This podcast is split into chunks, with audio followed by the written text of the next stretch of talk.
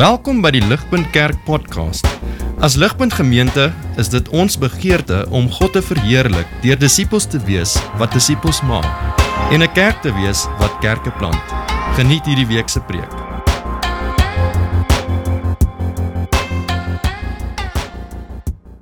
Hoe lyk dit om as 'n gemeenskap vol God se genade te lewe? En ek uh, wil begin deur om 'n uh, 'n prentjie vir ons almal hier. Um, ek dink dit gaan ons help dink oor hoe ons genade verstaan. 'n uh, Edelbookie. Ehm um, ek praat nie vandag uh oor iets spesifiek nie, maar ehm um, wat ek wil hê ons moet fokus op is wat reg onder daai bordjie staan. Daar staan 7 day grace period for payment. En ek dink dis 'n baie normale manier uh hoe ons grace gebruik, is dit nie? Uh 'n grace period. Kyk, want dit klink soos 'n baie goeie ding. Uh as ons hoor grace period, dan is dit ah, lekker. Dankie tog. Ehm um, Maar as ons dink aan die konteks van waar grace ryk word, is dit gewoonlik nie so 'n goeie ding nie. Dit is ons het 'n uh, betaling gemis. Uh ons uh, skuld geld vir iemand of ons het 'n deadline gemis. Niks van dit is lekker nie. Maar meer nog as dit, grace periods is baie beperk, is dit nie? Dit is eintlik niks behalwe uitstel nie. Itel gee vir ons 7 dae van grace en dan moet daardie uh dalk kry ons 'n maand of 'n jaar. Maar op 'n stadium hardloop daai grace uit en is ons net weer terug in presies dieselfde situasie as wat ons was. En ek of baie van ons nie so dink oor God se genade aan ons nie. 'n Genade wat tydelik is. 'n genade wat maar net 'n transaksie is, genade wat nie eintlik ons probleem oplos nie. Is dit dalk hoe jy genade verstaan? Is dit dalk hoe jy genade aan ehm um, ander in ons gemeenskap wys? As 'n tydelike ding, een ding, 'n ding wat eendag gaan opraak, 'n beperkte ding.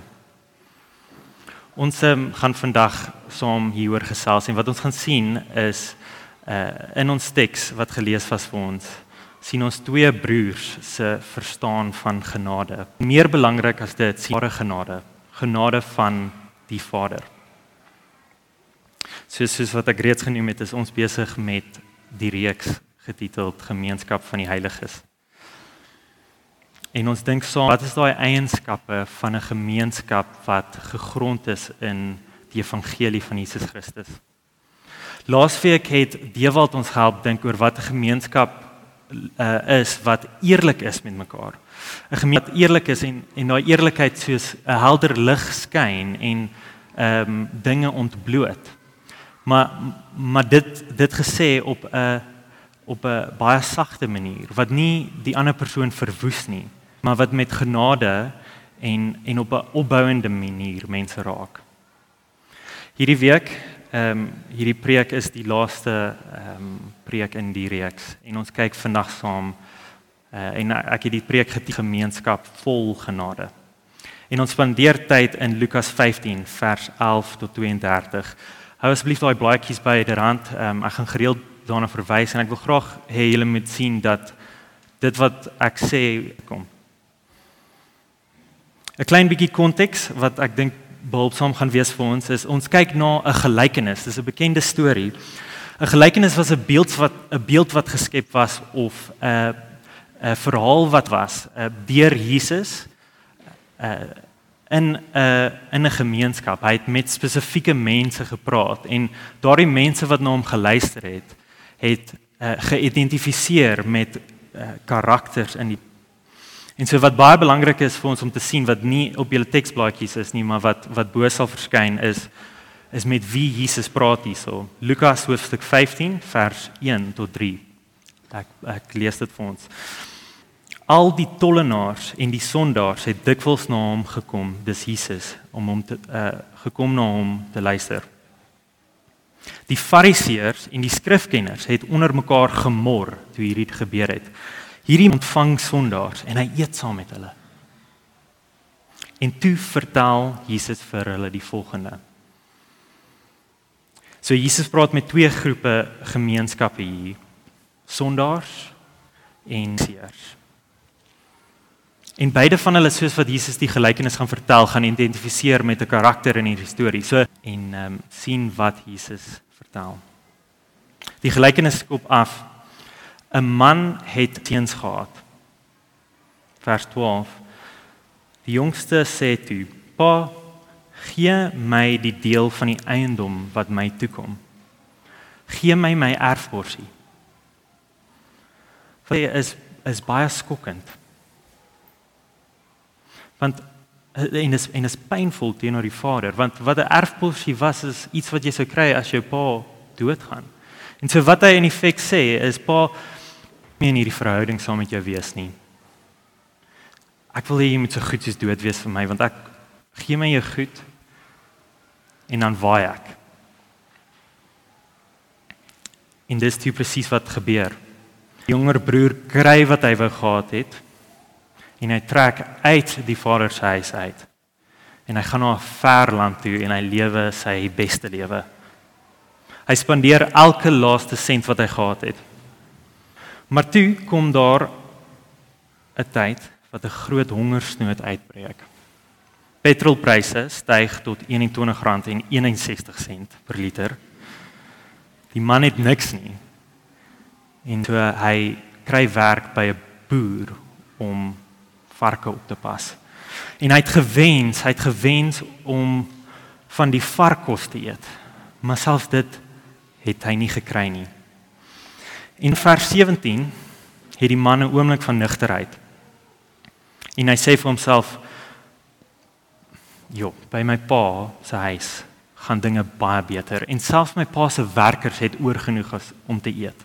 So hierdie is wat ek gaan doen. Ek gaan teruggaan Ek gaan 'n praatjie voorberei en ek gaan met my pa praat. Ek het ek gaan vir my pa sê, "Pa, ek het teenoor jou, ek het teenoor die hemel gesondig en in jou oë. Ek is nie uh, ek weet wat ek ek het ek het jou onteien as my pa, as dit ware. En so ek's nie meer werd om jou seun te genoem word nie. Behandel my net asseblief soos 'n slaaf, soos 'n werker." En so hy het teruggegaan. Maar toe gebeur iets skokkend. Die Vader sien hom van 'n myl af, vers 20. Hy het hom gesien en hy het hom innig jammer gekry. sien julle dit daar? Hy het hom innig jammer gekry na hom hardloop en hom gesien. Die seun wil wil nog uh, sy beplande praatjie vir vir die pa gee, maar dan val die pa hom in die rede en hy roep uh, sy werkers en sê: "Bring die beste vir hom en trek dit vir hom aan. Geef hom 'n ring aan sy vinger en sandale vir sy voete. Bring vir hom ons die vetgemaakte kalf. Slag dit en laat ons fees vier. Want hierdie seun van my was dood en is weer lewendig geword. Hy was verlore en is weer gevind. En toe begin hulle fees vier ligpunt van die twee verskillende gemeenskappe met wie Jesus gepraat het, is daar duidelik een wat makliker kon identifiseer met die jonger broer. Uh dis duidelik die sondaars en die tollenaars, want hulle het geen twyfel gehad dat hulle sondig is nie. Hulle het hulle het geen twyfel gehad van hulle skuld en dat hulle vuil was nie. Maar kyk hoe die Vader God in genade optree teenoor hulle. Hy is gewillig om hulle te vergewe en meer as dit hy haar, hy aanvaar hulle terug in die gemeenskap in met groot groot vreugde. Hierdie genade tref diep in. Kyk, die jonger broer het geweet hy was verkeerd en hy het teruggegaan met 'n nugtere verstaan van hoe erg hy in die verkeerd staan. En tog met hoop dat die Vader genadig genoeg sal wees om hom as werker terug te bring en want dit sou beter wees as waar hy nou is. Maar wat hy mis en wat wat die goeie nuus is wat ons harte so ehm um, sukkel om te verstaan is die Vader se genade terugkoms. Die Vader se genade breek deur soos wat hy uithardloop.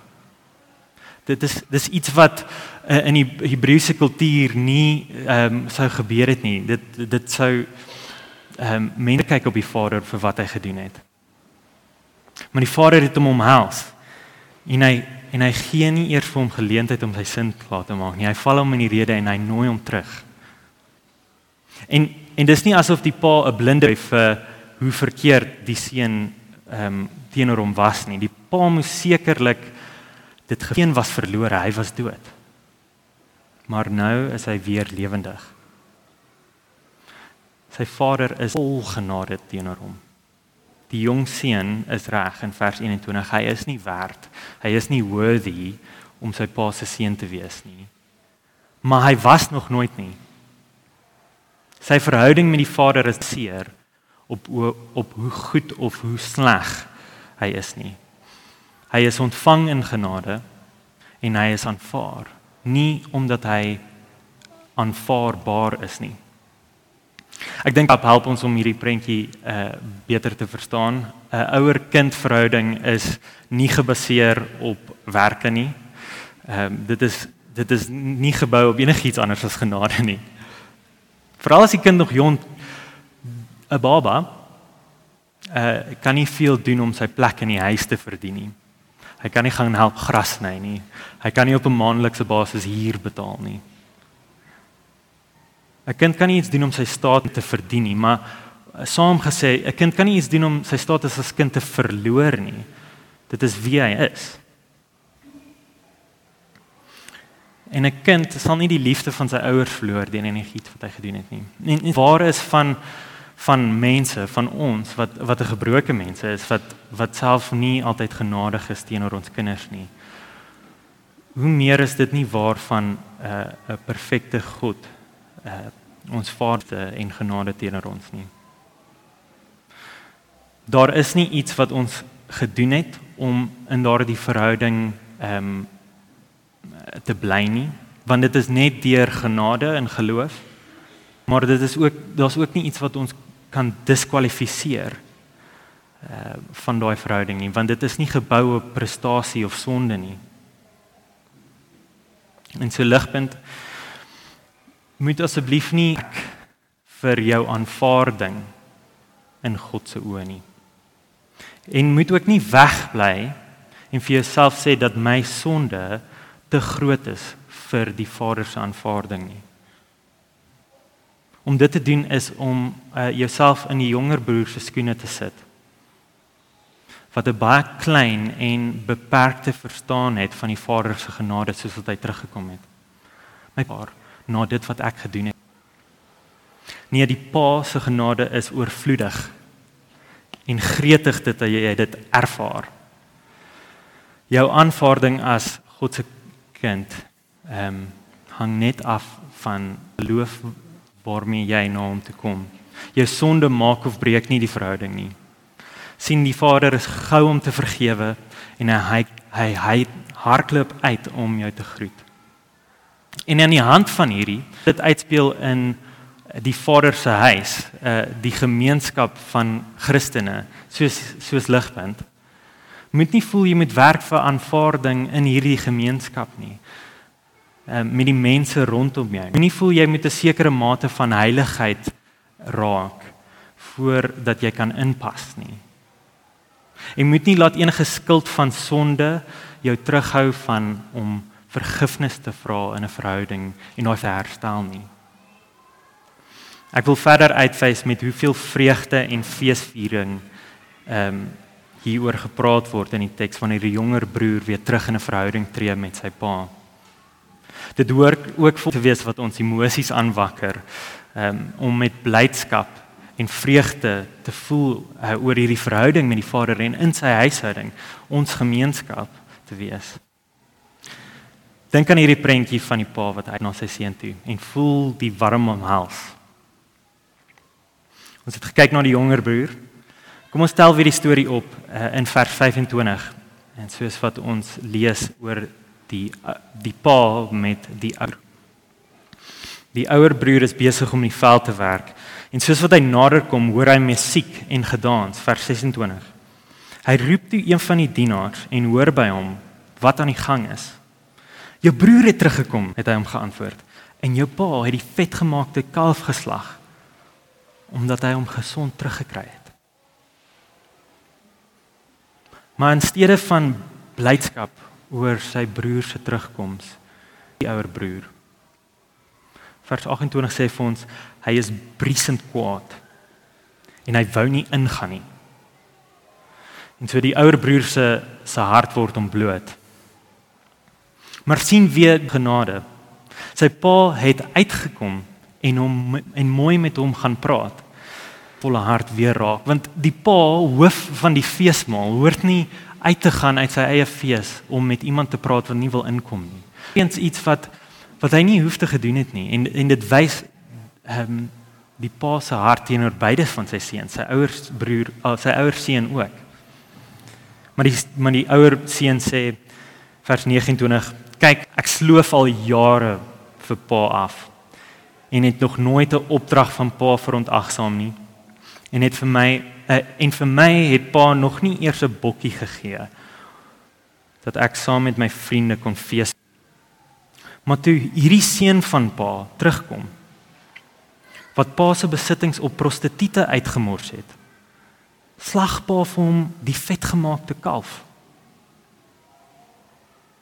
En so dink ek word die ouer broer se se regte probleem uitgewys. sien julle die ouer broer net soos die jonger broer het nie 'n regte omgee vir sy verhouding met sy pa nie. Luister hoe hy sy verhouding met sy pa besek. Ek werk al kliphard jare vir pa. Ek het nooit nie vir pa geluister nie. Ek het altyd uitgevoer wat pa wou gehad het. Die ouer broer se verhouding met sy pa klink nie baie lief nie. Dit klink nie of hy regtig daai hart van sy pa verstaan nie. Want want sy pa in groot genade en verdraagsaamheid antwoord hom in vers 31 en hy sê vir hom my kind altyd by my en alles wat myne is is joune. Ons moet feesvier en bly wees want jou broer was dood en hy het lewendig geword. Hy was verlore en is ind. Die pa pleit by hom. Sien my hart van genade raak vir jou en jou jonger broer. Kom deel in dit. Kom vier fees saam met my want jou broer is terugverwelkom in die Dis duidelik dat hierdie die kerninteraksie is in die ehm um, gelykenis want ons ons dink aan die mense met wie Jesus gepraat het. Wie is dit wat hulle self sou identifiseer met die ouer broer. Die mense wat nog altyd hulle pa uh, gehoorsaam het, wat hard geslaaf het vir hulle pa of wat broer. Dis eers en die skrifgeleerders. Die einste ouens wat um, in 15 vers 2 gesê het uh gemor het en gesê het hierdie man Jesus ontvang sondaars en hy eet saam met hulle hierdie hele gelykenis in reaksie om daardie sin te beantwoord. En Jesus sê vir hulle, die wie dink hulle is geregtig, as hulle nie in die vreugde van God se genade deel nie, wys hulle hulle is nerdig nie. En so wat is die ding wat die fariseërs verkeerd kry? Wat hoort ons um, raak te sien? Wel die fariseërs het gedink hulle kan met goeie werk die goeie dinge van die Pa geniet, van die Vader geniet. Het gedink en hulle het gedink hulle doen baie goeie werk. Hulle was trots. Die fariseer ouer broer het gedink God se guns lê in aanvaarbaarheid.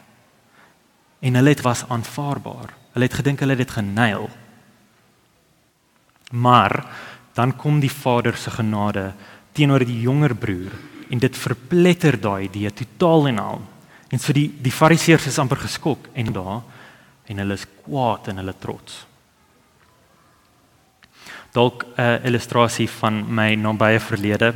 Op college was punte baie belangrik geweest vir my uitslaa.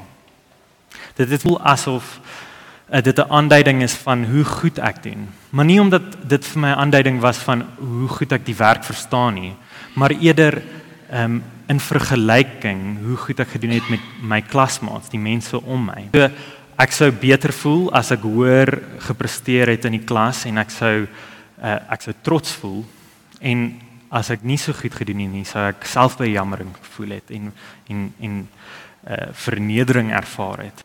Dit was 'n groot probleem wat ek in my hart moes mee worstel. Veral omdat ek saam met my vrou geswat het. Uh so daar was baie meer selfbejammering en baie minder trots waarmee ek moes uh, deel uh, as as uitslag gekom het. Maar my hele verstaan van punte was verkeerd, was dit nie? Ons was nie daar om punte te kry nie. Ek was nie daar om met my klasmaats te kompeteer. Ek was daar om te leer en saam met hulle te leer en ek was te verdiep. Dit is ehm um, dit was en is nou veel meer belangrik as die persentasie wat uitgeprint is op 'n papier wat nou net later al klaar van vergeet is. Die hart van trots en selfbejammering verklamp dat ek die punt gemis het. En ek dink dit is dieselfde met die ouer broer. Trots maak dat hy wil dinge verdien by sy pa. En dit maak dat hy sy verhouding met sy pa en met sy jonger broer totaal en al mis. En en die genade in daai verhouding verkeerd kry. En so hoe speel dit af eh, in ons gemeenskap hier teenoor mekaar?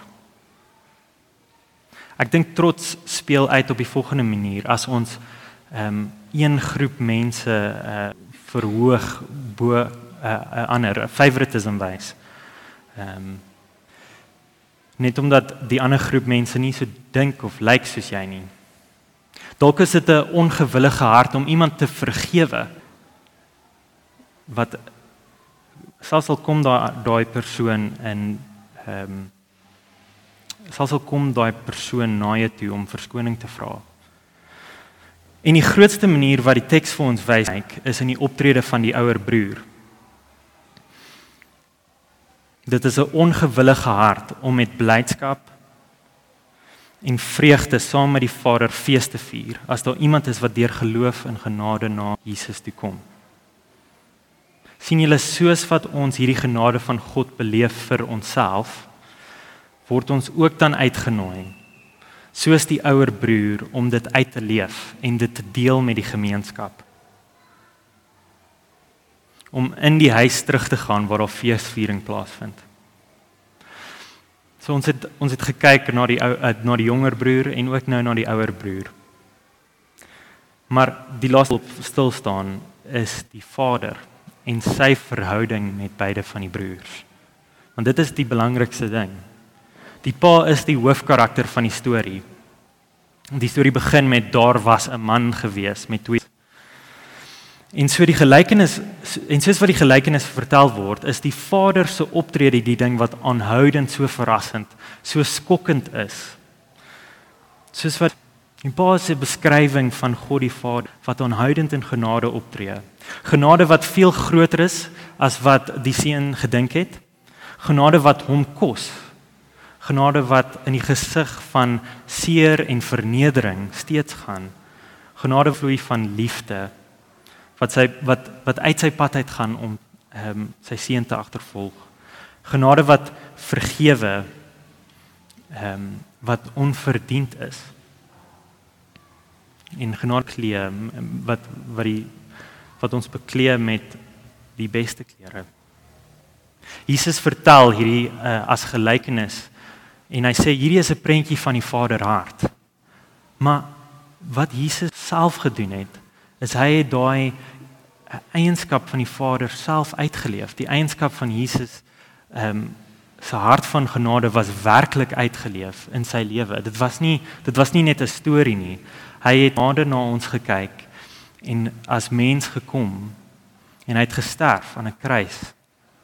En en die en God die Vader het sy eie seun vir ons gegee sodat hy ons kan terugkom in gemeenskap met hom ons ehm um, aanvaar.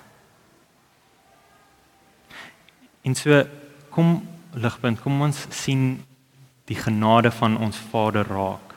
En soos wat ons hierdie genade sien en beleef vir onsself, kom ons uh, sien ook dat ons uitgenooi word om hierdie genade uit te leef en te deel met die res van ons gemeenskap. En so ek sluit af. Die term grace period is 'n teenstrydigheid. Dit is 'n contradiction. Ten minste is dit 'n teenstrydigheid van die prentjie van hoe ons genade vandag gesien het. Grace period sê hoorie daar's genade, maar maak net baie seker dat jy weet dat hierdie genade 'n definitiewe einde het en daarna as jy weer in dieselfde posisie en jy moet betaal. Dis en dan period. En dis 'n baie swak prentjie van hoe ware genade lyk. Ehm uh, soos wat ons hierdie prentjie van die pa met sy twee seuns gesien het. Kyk, ek is baie vir grace period van hierdie lewe, maar die genade van God, dit het geen einde nie.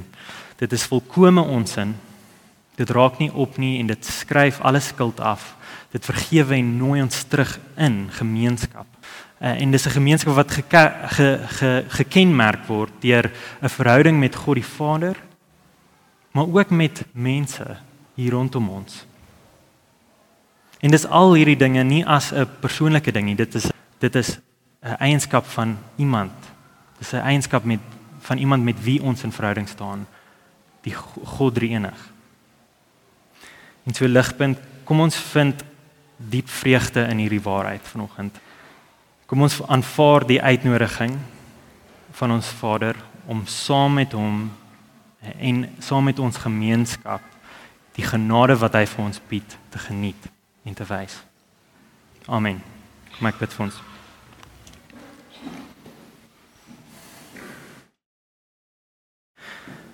Ons almagtige en ons hemelse Vader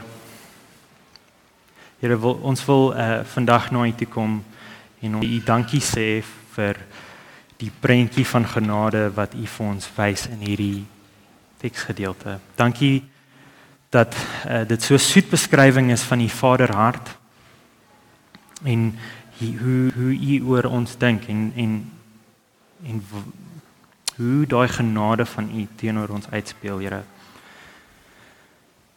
Ja, ek bid dat U ons sal help om nie soos 'n jonger broer uh goedkoop te maak van ons verhouding met U nie, maar dat ons sal dat dat ons 'n uh, werklike besef en verstaan sal hê van U genade en dat ons dat ons nie uh, bang te wees om die verhouding in te tree, Here. En ek en ek bid ek bid dat ons dit ook in ons gemeenskap sal ehm um, uitleef en vreugdevol met mekaar sal omgaan. Soos soos wat uh, u ons vergroep in hierdie teksgedeelte. Ek dank u vir hierdie gemeenskap en ek dank u dat ehm um, u u hier betrokke is in die kerk. Ek bid dit in Jesus se naam alleen. Amen. Vir meer inligting oor Ligpunt Kerk, besoek gerus ons webwerf op www.ligpunt.com of kontak ons gerus by info@ligpunt.com